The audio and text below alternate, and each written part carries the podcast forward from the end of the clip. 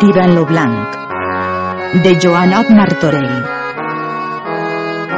Podcast en versió textos pits de l'edició a cura de Martí de Riquer.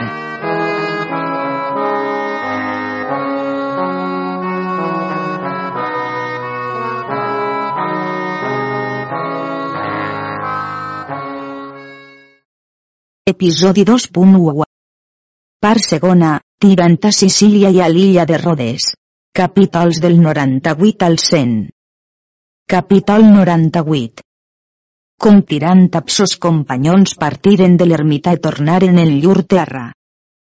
Tirant amb sos companyons per ses jornades caminaren tant que arribaren en la ciutat de Nantes.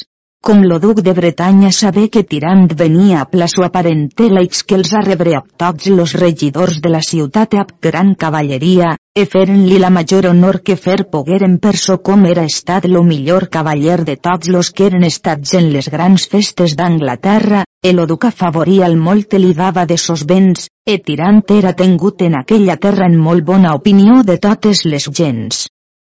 He estant un dia tirant a Ploduc amb molts altres cavallers solassant parlant, vengueren dos cavallers de la cort del rei de França, el oduc los demanà si en la cort hi havia noves negunes. Digueren los cavallers.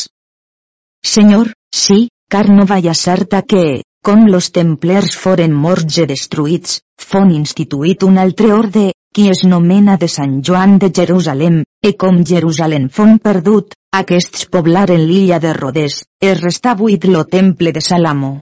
E de grecs o de moltes altres nacions fon poblada aquesta illa de Rodes. Com fon molt fortificada la ciutat e lo castell, e venint en notícia del soldat al Caire, desplagué-li molt que cristians haguessin poblada aquella illa. E lo soldat cascun any feia los aparells per poder-la ver. E los genovesos, sabent tal nova que lo soldat feia gran aparell, ven lo porte ser molt bo la terra fructífera de moltes mercaderies abundosa, e per quant ells a llurs naus van molt sovint en Alexandria en Barut, que els vendria molt bé tinguessin allí aquell bon port e bona retreta, fon posat en consell davant lo duque lo consell deliberà com a poca dificultat se podia prendre la ciutat e lo castell, e havent-ho deliberat ho posaren en obra, que armaren 27 naus de molta gent bona, e a l'entrada de la quaresma ne trameteren tres, e passats 15 dies ne trameteren cinc fan demostració que volien allí adobar e mostrar carena, après mitjan quaresma ne trameteren altres tantes. E feren on tal forma que lo dia de Rams foren totes les 27 naus en vista de rodes plenes de molta gent de poca mercaderia, e fengien que les unes anaven en Alexandria les altres en Barut, les altres se detenien voltejant dins mar perquè de terra no fossin vistes. E acostant-se lo divendres sant, totes les naus foren dins lo port de Rodes, esperant lo divendres sant, com en aquell dia havien de prendre la ciutat e lo castell, per so com en aquell dia dins lo castell tenen moltes relíquies, e qui ou aquell dia lo divinal ofici, guanya indulgència plenària pena i culpa per molts papes atorgada. Entre les altres relíquies tenen una espina de la corona de Jesucrist, e aquella espina, en aquella hora que la hi posaren al cap, floreix, està florida fins en aquella hora que Jesucrist reté l'esperit. Aquella espina és de junc marí, és d'aquelles que li entraven dins lo cap i li tocaren al cervell, e cascun divendres sant la mostren i la tenen a vista de tothom. E los mals cristians de genovesos, saben la pràctica del mestre de Rodese de sa religió, ab consentiment de dos genovesos cavallers de l'orde, qui estaven dins lo castell, los quals prengueren totes les nus de les ballestes e posaren ni d'altres que eren de sabó blanc de formatge, per so que en lo temps de la necessitat ajudar-nos en poguesen. El o mestre tota sa religió no hi hagueren ja més pensat, an certament los hagueren tots presos e morts. Mas nostre Senyor algunes vegades permet algun gran pecat per major benefici. Dins aquella ciutat estava una galant dama, la qual per la sua molta bellea de molts cavallers de l'orde era festejada, e per la molta virtut sua negu no tenia res en ella. En especial l'amava un cavaller qui es nomenava frare Simó de Far, natural del regne de Navarra. Aquesta dama al parer de les gens se mostrava d'un estat excelsa. Seguís que un escriba de la nau del capità dels genovesos era eixit en terra i veu la gentil dama enamoràs molt d'ella. E con coixà d'amor infinida va a parlar a la senyora diu-li com ell té molt bon gra d'ella, e que la prega qui li faça tanta gràcia que li done la sua amor, que ell li darà tant de sos béns que en serà molt contenta. E de continent presenta l'Índia mà un robí que valien 500 ducats, a més la mà en una bolleta que portava en la cinta e tragué una gran grapada de ducats i llançals i en la falda, que tota la feren alegrar. Passades moltes paraules entre ells, ell obtingué tot lo que volgué, e açò fon lo dijous de la cena.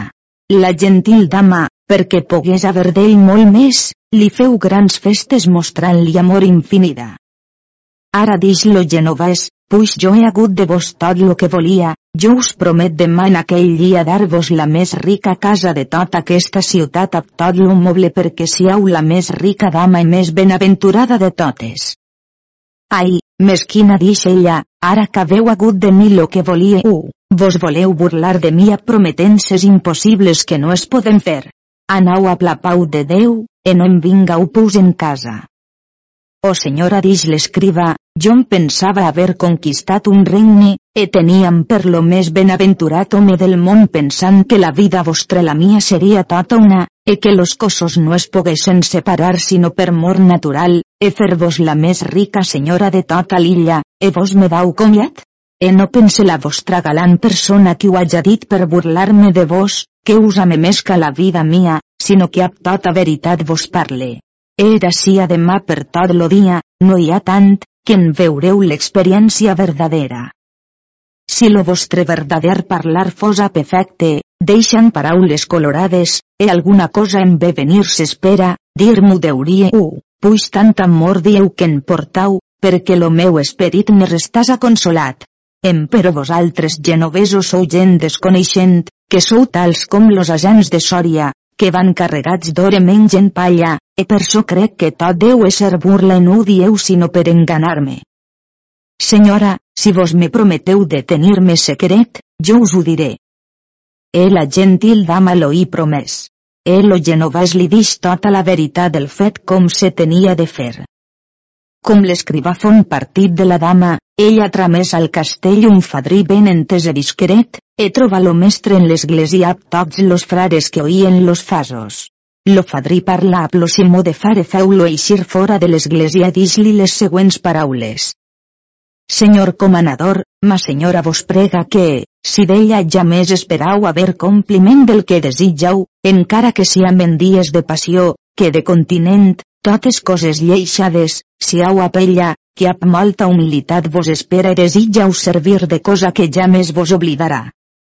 Lo cavaller, mogut més d'amor que de devoció, lleixa lo servei de Nostre Senyor, e tan secretament com poguessen anar a la casa de la senyora, la qual com lo veu lo rebé amb molta amor abraçant-lo, e pres per la massa segueren en l'estrado, e la senyora veu baixa feu principi a semblants paraules.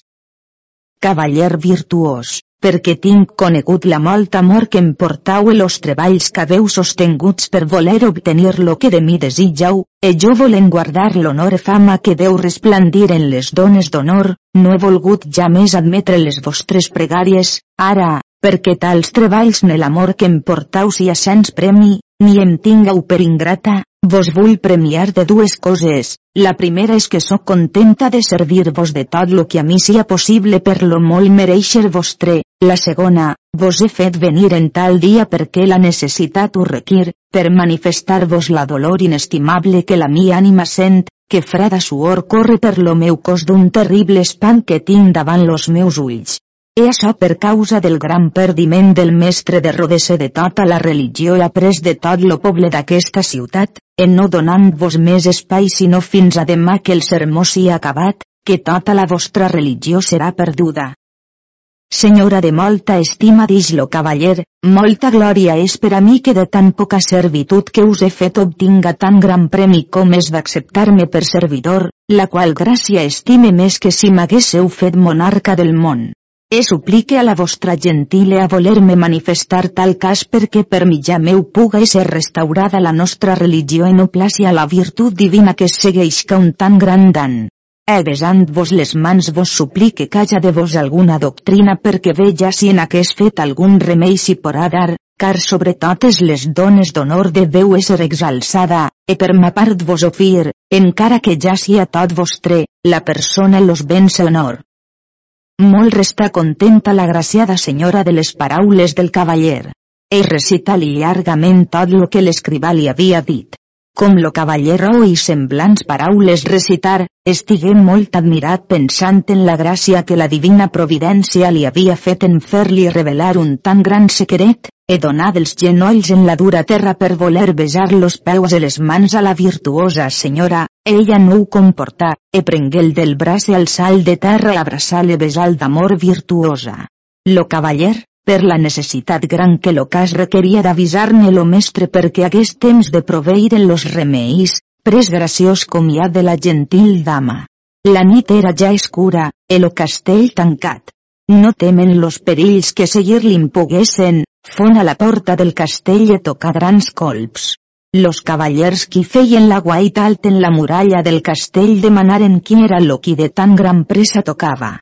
El o cavaller nomenant-se Simó de Far, que li obrissen. Digueren los de la guaita. Vesten, malvat, no saps los perills sedans que t'estan estollats si lo senyor mestre sap que en aquesta hora tu és fora del castell. Torna-te'n per lo matí poràs entrar a ton plaer. Jo so ben cert de tot lo que vosaltres me dieu dix Simó de Far, mas a mi cove en tot cas del món d'entrar esta nit dins lo castell, per qui us prec molt afectuosament que digau al senyor mestre que em faça obrir, car no tem ni vull tembre negun perill que seguir-me puga. Una de les guaites anà a l'església, e troba lo mestre qui estava prop del moniment dient ses hores. Com saber que Simó de Far a tal hora era fora del castell, deixa gran ira. Jo li promet, si Déu me deixa veure-lo un matí, li faré dar tal disciplina que a ell serà castig que als altres serà exemple. O del mal frare que així deixa la religió. Des que jo som mestre no he vist ni sabut que negoci a tal hora fora del castell. Anau e digau-li que esta nit no pot entrar, mas que demà haurà la bona estrena. El o mestre tornà en sa oració, el aguaita se'n tornà a la resposta com Simó de Faró i tals raons, humilment tornar a pregar als cavallers que la guaita feien volguessin tornar a dir al senyor mestre que li fes obrir, que l'entrada sua era de gran necessitat, he après que l'hagués oït li donàs la penitència que mereixia.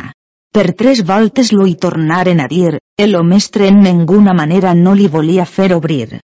Estava allí un cavaller molt antic, qui dix al mestre. Senyor, perquè vostra senyoria no dona audiència a aquest frare Simó de Far. A vegades se segueixen coses en una hora que no s'esdeven mil anys. Aquest cavaller ja sap la pena que li da en lo que ha comès. No el tingueu per tan foll que sens causa ell vull entrar en aquesta hora, puix al matí podria entrar segurament. Perquè tendria per bo que, guardades les portes, e dalt per les torres les guardes estiguen armats e ben proveïts de grosses canteres car, senyor, jo he vist en mon temps, si no haguessin oberta la porta del castell a l'hora de la mitjanit, lo castell de Sant Pere se perdia, per la gran multitud de turcs que hi vengueren hora incogitada, e hora per hora lo mestre, que Déu satja, lo socorregué, e lo castell fon de lliurat dels enemics. Lo mestre, per les paraules de l'antic cavaller, fon content que li obrisen emanar que les portes fossin ben guardades a la muralla, e feren-lo entrar, lo qual venia a placar a molt alterada. Com lo mestre lo veu davant si, li dix. On malfrare pitjor cavaller, no temen Déu ni l'orden que és posat, que en les hores indispostes e no honestes per a frares de religió és ser fora del castell. Jo et daré la penitència que és mereixedor. Veniu vosaltres, ministres de justícia, e posau-lo en lo carsre, e no li doneu a menjar sinó quatre onces de pa i dues d'aigua. La senyoria vostra dix lo cavaller no acostumat de condemnar a negociants que no s'hi oït. E si la RAO que daré de mi no basta a rembre la pena, jo vull rebre a paciència la pena doblada. Dix lo mestre. No et vull oir, sinó que mane que lo manament meu sia executat. O senyor dix lo cavaller, e així seré jo vilment tractat que no em voleu oir? Jo em pens que la senyoria vostra me voldria haver raó i haver-me donat la millor comanda de tota la religió, car no us hi va sinó la vida, la dignitat e que es perda tota la religió. Après, si lo que jo diré no és veritat, no vull altra menys pena sinó que em façau llançar dins mar a punt mola al coll, e jo vull morir màrtir per mantenir la nostra religió. Lo mestre, qui veu que lo cavaller tant se justificava, manà que se ne dix. Ara veurem què sabràs dir. Senyor dix lo cavaller, no és cosa que a dir faça en públic. Lo mestre feu apartar tota la gent, e lo cavaller feu principi a tal parlar. Capítol 99 Com lo mestre de Rodés, ap tota la religió, font de lliurada per un cavaller de l'orde. Senyor, per la immensa divina clemència i bondat de nostre Senyor Déu és estada feta a la nostra religió la major gràcia que ja més fes a negu, car demà la senyoria vostra fora mort, e tots nosaltres, he destruït tot lo nostre orde, la ciutat e tot poble robat, dones e donzelles deshonrades, e tot posat en total destrucció. Eh per això, Senyor, sóc jo vengut a tal hora per informar-me bé d'aquest fet, no temem negun perill per salvar la vida de la senyoria vostra i de tots los frares de la religió. E si de tal cosa punició mereixc, jo la comportaré amb molta paciència, car més estime morir que si la religió s'havia de perdre. Precte, fill d'ix lo mestre, que em digues la forma ni com se devia fer, car jo et promet a fe de religiós que la pena que devies haver-se convertirà en gran augment de l'honor tu exalçament, car après de mi jo et faré lo major de tot lo nostre orde. El o cavaller donà del genoll en terra i besar-li la mà, après d'ix. La senyoria vostra deu saber com dos frares de la nostra religió, genovesos, nos tenen venuts, car a consell d'aquests són vengudes aquestes naus d'aquests malvats genovesos ab gran multitud de gent a poca mercaderia. E aquests traïdors que tenim dins lo castell han fet una gran maldat, que de la cambra de les armes han llevades totes les nus de les ballestes i han ni posades de sabó blanc o de formatge perquè en la necessitat no ens ne pugam ajudar. E demà, qui és lo divendres de passió, han elets los més forts i disposts homens de totes les naus per entrar dins lo castell, e cascú d'aquests portarà una ballesta desencavalcada, que ara novament han trobat, que no està lligada a lo braç, a plasbrer, a fil com acostumen les altres d'estar, mas a plestrep venen tan justes i a punt petit pern se'n cavalquen molt bé. E cascú portarà espasa o secretament armat, portant sobre les armes clotxes negres, llargues fins en terra. E vendran de dos en dos a excusa d'adorar la creu e per a oir l'ofici perquè ningú no n'haja notícia. E com hi haurà prou gent, que lo divinal ofici se farà, fàcilment poden eixir de l'església, e a ajuda dels dos frares, qui tendran ja la torre de l'homenatge presa, daran entrada als altres, e prendran les altres torres que prop los estan. E ans que la senyoria vostra n'hagués sentiment, fora presa la meitat del castell, e de mort o de pres no podíeu ser estalvi, e tots nosaltres a vos ensems. Puixa així es dix lo mestre, anem secretament a la cambra de les armes de veuren primer si és veritat això de les ballestes. E trobaren que de 500 ballestes en sus que hi havia no en trobaren sinó tres que tinguessin nous, sinó de sabó de formatge. Lo mestre en aquell punt estigués bala i conegué que lo cavaller li havia dit a veritat e prestament feu ajustar consell de cavaller se feu prendre los dos frares genovesos, e lo mestre volent-los fer turmentar, atorgaren com tenia de morir lo mestre tota la religió sens mercè neguna. Prengueren-los e llançaren-los en un sol de torre on havia moltes serps escursons i altres vils animals. En tota la nit ningú no dormí, han secretament doblaren les guaites, e triaren 50 cavallers jovens e disposts per dar recapte als que vendrien. E tots los altres s'armaren perquè, si havien mester socors, que els poguessin ajudar. Al matí, com hagueren obertes les portes, los genovesos començaren a venir de dos en dos, e venien demostrant que deien hores. Havien a passar tres portes. La primera era tota oberta, amb dos porters que la guardaven. A les altres portes no podien entrar sinó per la portelleta poca, e com eren dins lo gran pati, Davant l'església, estaven allí los cinquanta cavallers ben armats qui els prevenien, els desarmaven i sense tocar de peu en terra los llançaven els silles fondes uns sobre altres, encara que cridassen no podien oir-los de de fora.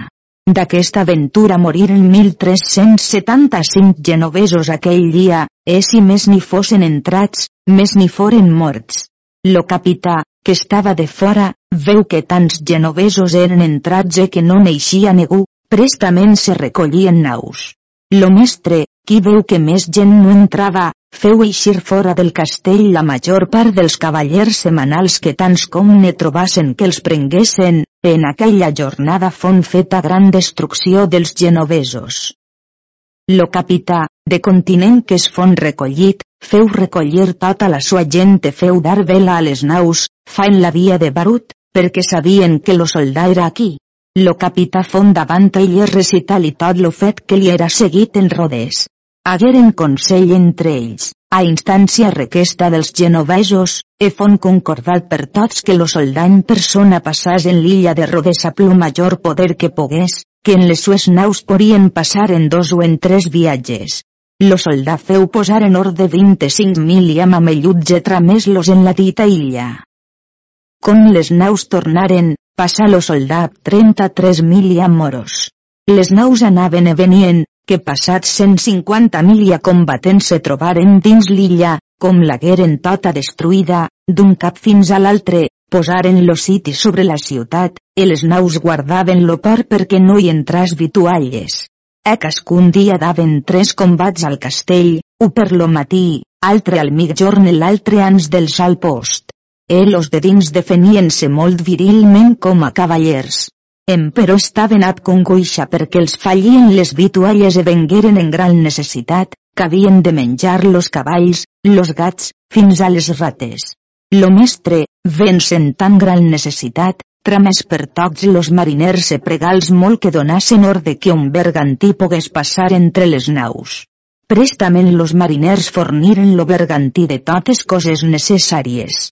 Lo mestre feu lletres al papa, a l'emperador i a tots los reis e prínceps de cristians, notificant-los la grandíssima necessitat en què era posat, pregant-los que el volguessin subvenir.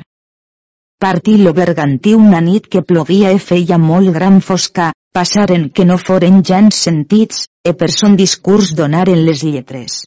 E cascun príncep los feia bona resposta, em però l'ajuda era molt tarda.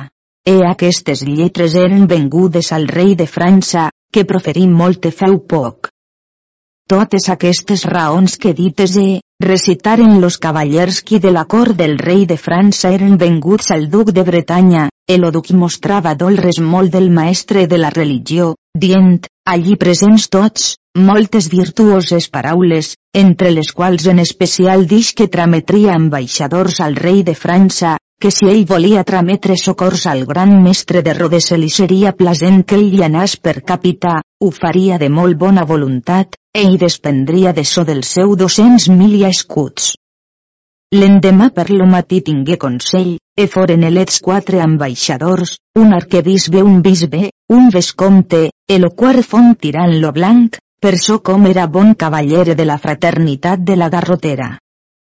Com los ambaixadors foren davant lo rei de França, explicaren llur ambaixada dix los cal quart dia los retria resposta. He passar més d'un mes ans que d'ell poguessen saber lo que deliberava de fer. Com hagué prou estat, dix los que per al present ell no podia entendre en tals fets, com fos ocupat en altres negocis que li anava més interès.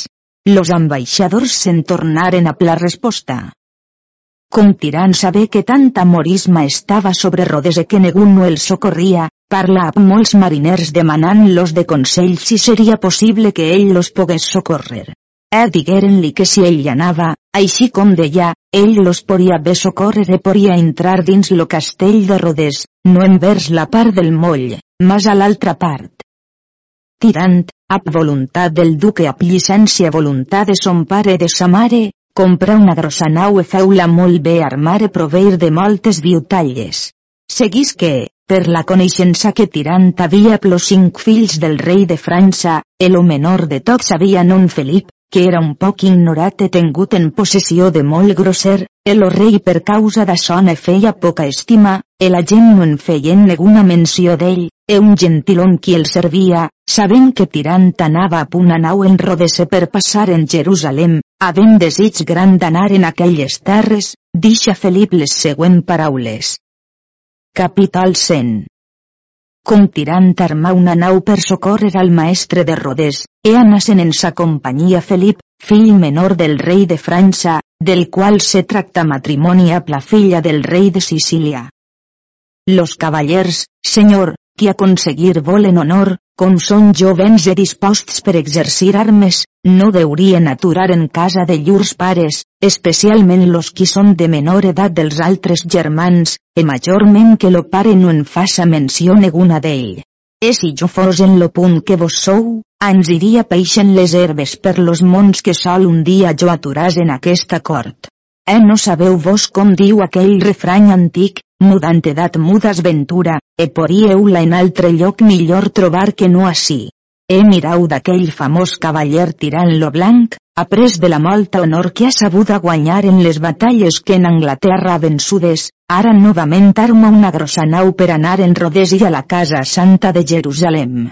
Oh, quina glòria seria per a vos secretament partir d'ací, vos e jo tots sols, e no dir res a ningú fins fóssem dins la nau e cents milles dins mar. E tirantes virtuós cavaller que us obeirà us farà aquell honor que sou mereixedor segons la casa d'on veniu. Mon bon amic tenebrós, jo conec molt bé lo bon consell que em donau dix Felip, e sou molt content que ho metam en execució. A mi par, senyor dix lo gentilom, que jo de canar primer en Bretanya al port on tirant adoba la nau, e per la molta amistat que jo tinc cap ell li diré que em faça gràcia que en companyia sua jo puga passar en la terra santa de Jerusalem, e quines coses he mester per a mi i a dos escuders, he vista sa intenció, posarem en la nau totes les coses que seran necessàries. Felip resta molt content d'aquest deliber, e dix tenebrós, en aquest temps que vos ireu a parlar tirant, jo replegaré los més diners que poré, e robese joies perquè em puga mostrar on se vulla que sia. Lo dia següent lo gentilon partia dos escuders qui l'acompanyaven, e tan caminar tenebrós per ses jornades que pervengué on era tirant. Feren-se grandíssima festa com se veren, e tenebrós li dix la causa de sa venguda. Com tirant saber la sua ambaixada, i trobà molt gran plaer, per so com sabia que Tenebrós era gentilom valentíssim i molt discret, estimava la sua companyia, es respòs-li en la següent forma. Senyor germà meu tenebrós, los béns, la persona la nau e tot quan jo tinc es presta tot lo que vos ordeneu. E jo tinc a bona sort de vos anar en ma companyia, e per cosa en lo món jo no comportaria que cavaller ne gentilome, qualsevulla que fos, en la mia nau posàs vitualles, que de tot lo que en la nau serà, així pròpiament com a la mia persona, vos serà dat tot lo que volreu. Com tenebrós oí així parlar a Tirant, fon lo més content home del món, e feu infinides gràcies a Tirant de la molta gentile a sua eixa lliu dels servidors perquè fes adobar dins la nau una cambra on se poguessin retraure per a dormir i a menjar, e que Felip pogués estar allí alguns dies secret. E tenebrós se'n tornar per ses jornades cavalcant fins que fon a Felip, lo qual l'estava esperant amb molt gran desig. No fon poca la consolació que Felip hagué de la bona resposta de Tirant. E tenebrós li dix que donassen orde que fos presta la llur partida, e Felip li dix que ja tenia tot lo que se n'havia de portar. L'endemà Felip anà a son pare lo rei suplical, davant la reina, que fos de sa mercè li donàs llicència d'anar fins a París per veure la fira, que estava a dos jornades d'allí.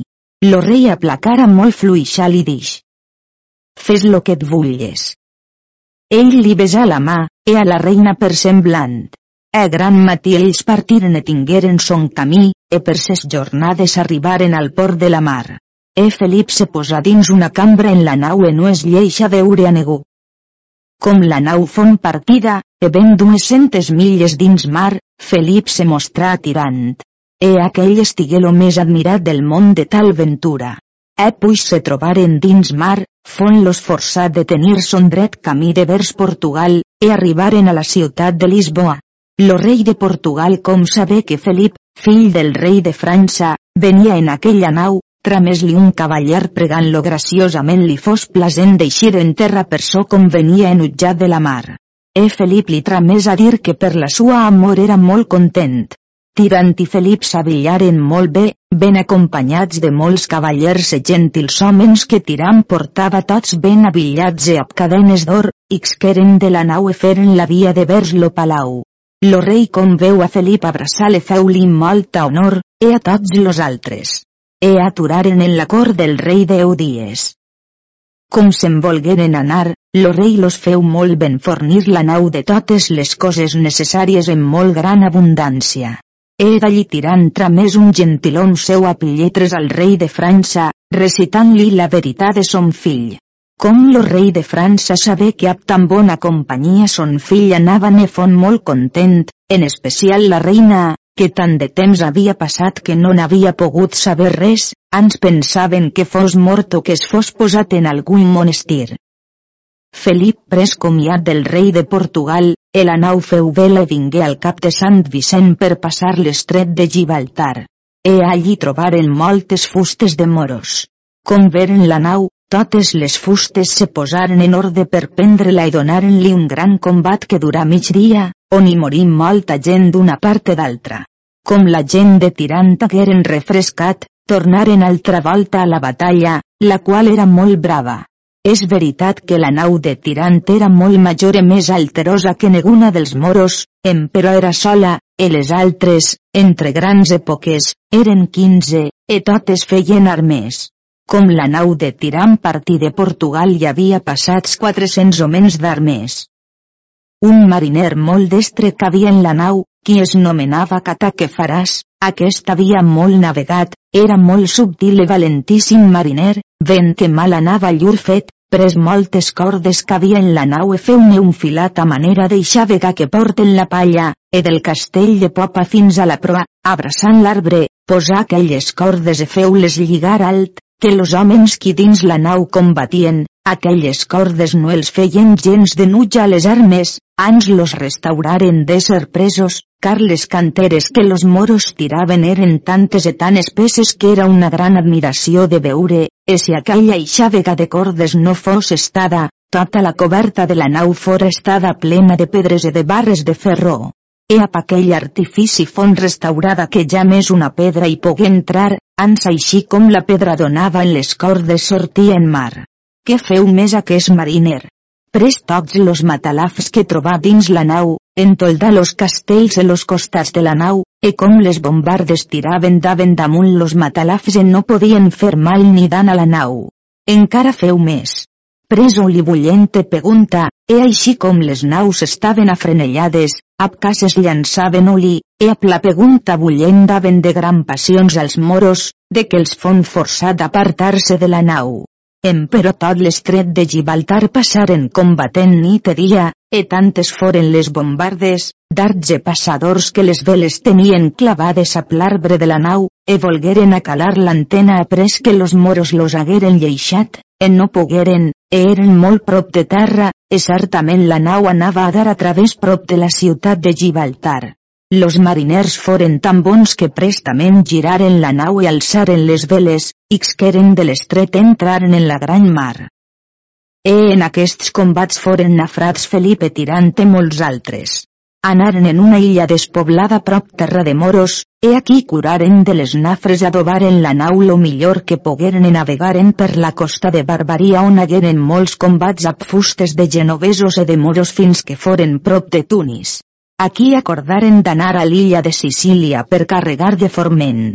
Com foren dins lo port de Palerm, on era lo rei i la reina i dos fills que tenia una filla d'inestimable bellea, que havia nom Ricomana, donzella molt sabuda i de moltes virtuts complida, estant la nau dins lo port volent prendre vitualles, que freturosos n'estaven, feren eixir en terra l'escrivà i cinc cosis a pell, manament que no diguessin res de Felip ni de Tirant, sinó que era una nau que era partida de Ponente anava en Alexandria per alguns pelegrins que anaven al Sant Sepulcre.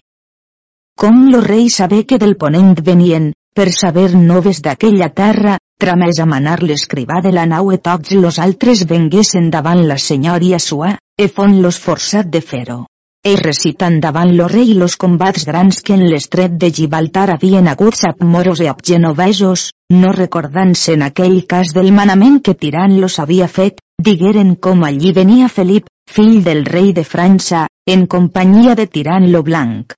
Com lo rei sabé que Felip era en aquella nau, feu fer un gran pont de fusta de la terra fins a la nau tot cobert de draps de ras. Lo rei per fer-li honor entrar dins la nau amb dos fills que tenia, e pregà molt a Felipe a tirant que excesen en terra reposassen allí alguns dies per la gran congoixa de la mar que passat havien, e dels combats dels moros.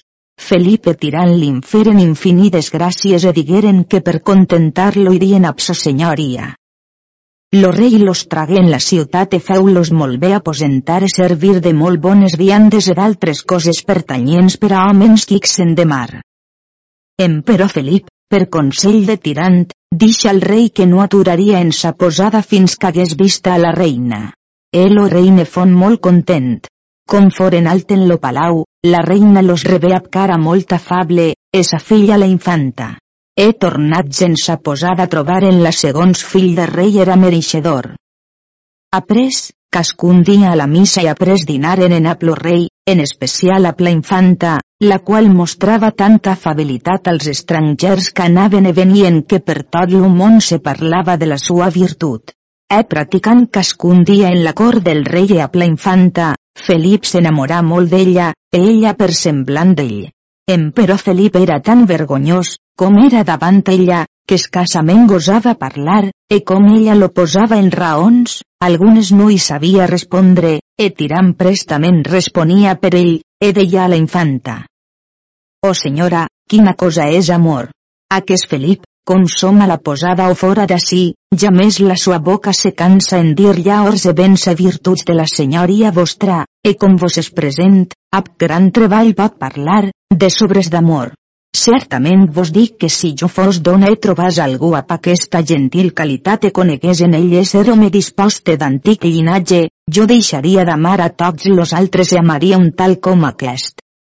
Ai tirant dix la infanta, vos bé dieu, em però si naturalment li ve de ser grosser de sa pròpia natura, quin plaer, quina consolació pot ser a una donzella que tothom s'arriga d'ell, i li donen sus i mat en la darrera casa, per amor de mi no em digueu tal és raó, car per mon delit volria home qui fos entes e comportaria-nos en estat i el llinatge que no fos grosser ni avar. Senyora dix tirant, natural és raó dieu, em però aquest no seu en aqueix banc que vos dieu. Aquest és jove de pocs dies e vell de seny, liberal, animós més que tot altre, molt afable graciós en totes coses. En la nit se lleva i no em lleixa reposar com volria. La nit li par un any, lo dia li és delitós. Si plaer li vull fer no havem a parlar sinó de la senyoria vostra. Si això no és amor, si no, diga-me què seria. Senyora, amau a qui us ama, e de tot cert aquest és fill de rei, ap vos igual, qui us ama més que la sua vida, e si no parla tant com la senyoria vostra volria, per millor l'on deuríeu tenir. Guardau-vos, senyora, d'aquells homes que amb gran audàcia i amb atreviment gosen requerir a dona o donzella, e tal amor com aquesta no és gens bona, car amor que prestes venguda més prestes perduda. E tals com aquests són dits homes cosaris, qui van a robar de tothom. Dau-me vos, senyora, home que amb gran temor e vergonya ve davant sa senyora escassament li pot eixir la paraula de la boca, e amb les mans plenes de temor diu lo que vol dir. Tirant dix la infanta, per la molta amistat que vos teniu a Felip feu bé d'asseure'l en la cadira d'honor. A lo noble orde de cavalleria que teniu vos no podíeu dir si no lo bé que de vos se pertanye per sous ne tinc per millor. Mas no penseu si a dona que crega de lleuger, si res havia de ser i volria posar les mans fins als colzes en sentir e saber la sua pràtica, estat e condició quina és, e si seria per dar consolació a la mi ànima en aquest món. Em però los meus ulls contents són de la vista d'ell, lo meu cor se combat amb mi, e l'experiència me manifesta que és, aquell que jo contemple, de ser grosser i avar, les quals dos malalties són incurables. Oh senyora, qui en totes les coses del món vol molt subtilment mirar moltes voltes li esdevé que elegeix la més roïn, en especial en els amors honestes i lícites. Eh no són passats tres dies que passejant-nos lo senyor rei vostre pare i jo per lo jardí parlam de molts estats de prínceps de la cristiandat, e de moltes altres coses, e venguem a parlar de la senyoria vostra, dient-me com volia en sa vida repartir tot son estat, e per la molta amor que lo pare naturalment ama los fills, en especial a vos, qui sou donzella que li sou estada tos temps molt obedient, vos vol dotar de totes les terres del ducat de Calàbria en sems ap 200 mil ducats, e açò desitjava molt veure de vida sua, per so que, com la sua ànima se partiria del seu cos, a se n'anàs. Jo, ven la bona recta intenció sua, lo illoi, per so com la senyoria vostra és mereixedora de molta dignitat i honor excelsa. Perquè suplica vostra altesa que algunes hores dispostes me vull dar audiència no prendre enuts de res que jo diga a la senyoria vostra, car jo veig així venir en la cort del senyor rei ambaixadors del papa per contractar matrimoni de son nebot, que volen dir algun seria fill, a vostra altesa, e d'altres parts ni veig del rei de Nàpols, del rei d'Hongria i del rei de Xipre. E encara que jo no tinga poder del cristianíssime superior en dignitat de tots los reis de la cristiandat, lo rei de França, vull contractar a vostre pare a plaltesa vostra d'aquest matrimoni.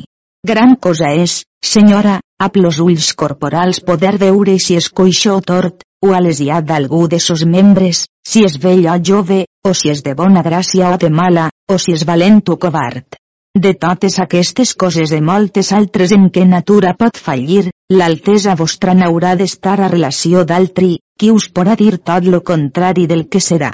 Sàvia i discreta vos veig, senyora, e més sabent que tot altra, e per tal vos tinc. E no pense la senyoria vostra que per jo ser servidor de Felip diga ningunes coses fictes ne manllevades, que de totes les que damunt dites podeu veure totes les perfeccions en aquest mas per la vostra grandíssima i alta dignitat de perfeccions que la vostra singular persona posseix, sou mereixedora de seure en cadira imperial e sotsmesa a la corona de França, per ser de major altesa ans que a l'imperi romà.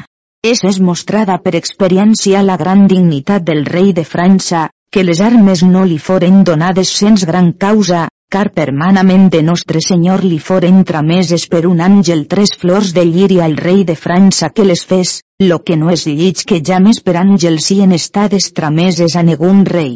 Doncs, senyora, la senyoria vostra pot prendre part del mundanal i de l'espiritual, e de santedat serà complida la vostra excelsa persona per causa d'aquest infant. Aquí és aquella qui puga haver glòria en aquest món e paradís en l'altre? En això vengué la reina Torbals de ses delitoses raons. Com hagueren estat un poc espai, dix la reina atirant. Cavaller virtuós, no és passada una hora que el senyor rei i jo parlàvem de vos i de les cavalleries vostres, el rei vol vos acomanar un gran fet en què li va molt a ell i a mi. Eh jo us tinc per tal, que, si vos ho empreneu, que en volreu a l'honor vostre eixir així com de bon cavaller se pertany. Empero per esquivar los molts dubtes qui són, jo hi daré tot aquell impediment que poré. Senyora dix tirant, vostra excel·lència me parla tan cobert, que jo no sé què hi puga respondre, si ja no havia altra doctrina més clara de la que l'altesa vostra m'ha dit. Empero lo que jo poré fer per l'excel·lència vostra, ab consentiment del senyor rei ho faré de molt bona voluntat fins a portar-ne la creu al coll. La reina li regracia molt la sua bona voluntat. Tirant pres comiat de la reina de la infanta. E confon en la sua posada congoixaves molt que la nau no fos adobada perquè pogués prestament partir. Tirant veu dins en alta mar venir una nau. E ans que anàs a menjar volgués saber no ve se tramés li prestament un bergantí armat qui anà molt prestament i torna. E digueren-li com aquesta nau venia d'Alexandria de Barute que havien tocat en l'illa de Xipre, però que en Rodes no havien pogut tocar, tanta era la multitud dels moros que la tenien assetjada per mar i per terra, on hi havia moltes fustes de genovesos qui guardaven lo port de la ciutat de Rodes que estava en fort punt que ja no tenien res que menjar de pa, Passats tres mesos havia que lo mestre ni ningú del castell ni de la ciutat menjat no n'havien, e no menjaven sinó carn de cavall, e tan bon dia si en podien haver. E creien verdaderament que en breus dies s'haurien a retre als moros, e ja es foren donats sinó que lo soldat no els havia volgut prendre a mercè. Com tirant saber aquestes noves, entra en gran pensament, e com haguem molt pensat, deliberar carregar tota la nau de formente d'altres vitualles, e que anàs a socórrer la religió de Rodés. E així ho feu. Prestament tramés per mercaders, e donals tanta moneda que carregaren la nau de formente de vins e de carns salades. Com lo rei saber això, tramés per tirante dis li son volar a paraules de semblant estil.